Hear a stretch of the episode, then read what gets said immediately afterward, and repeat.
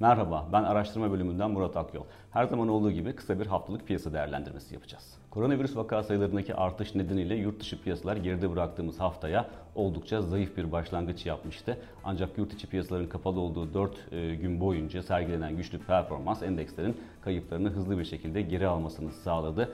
Özellikle bilançoların beklentilere kıyasla çok daha güçlü bir eğilim sergilemesi ve makroekonomik veri tarafında verilerin ekonomik aktivitedeki e, iyimserliğin devam ettiğini göstermesi endekslerdeki toparlanmada önemli rol oynadı. Zaten e, S&P 500 endeksine baktığımızda haftalık bazda %2, e, Nasdaq'ta ise %3 oranında değer kazanımı yaşandığını görüyoruz. Çarşamba günü sonuçlanacak olan FED toplantısı ise haftanın en önemli konu başlığını oluşturuyor.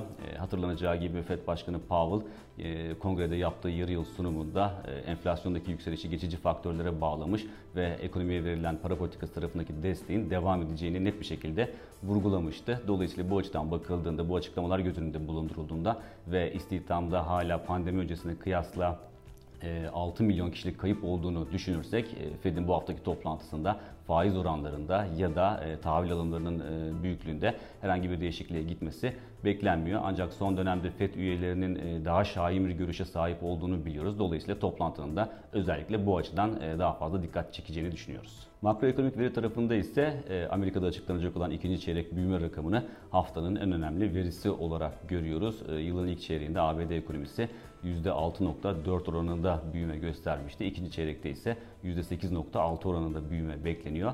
E, beklendiği gibi güçlü bir rakam görülmesi durumunda pandemi döneminde üretimde yaşanan kayıp tamamen geri alınmış olacak. Diğer bir ifadeyle e, çıktığı açığı ortadan kalkmış olacak. Bu şu açıdan önemli. Çıktığı açının e, pozitif olduğu dönemlerde ekonominin enflasyon yaratma ihtimali, potansiyeli çok daha fazla oluyor. Dolayısıyla FED de e, sıklaştırmaya daha fazla yaklaşabilir e, çıktı açının pozitif olduğu dönemde. Zaten geçmiş dönemlere baktığımızda da Fed'in sıklaştırma adımlarının çok büyük oranda çıktı açının pozitif olduğu dönemlerde geldiğini biliyoruz. Zamanı kazanca dönüştürmek için ünlü The Club izlemeye devam edin.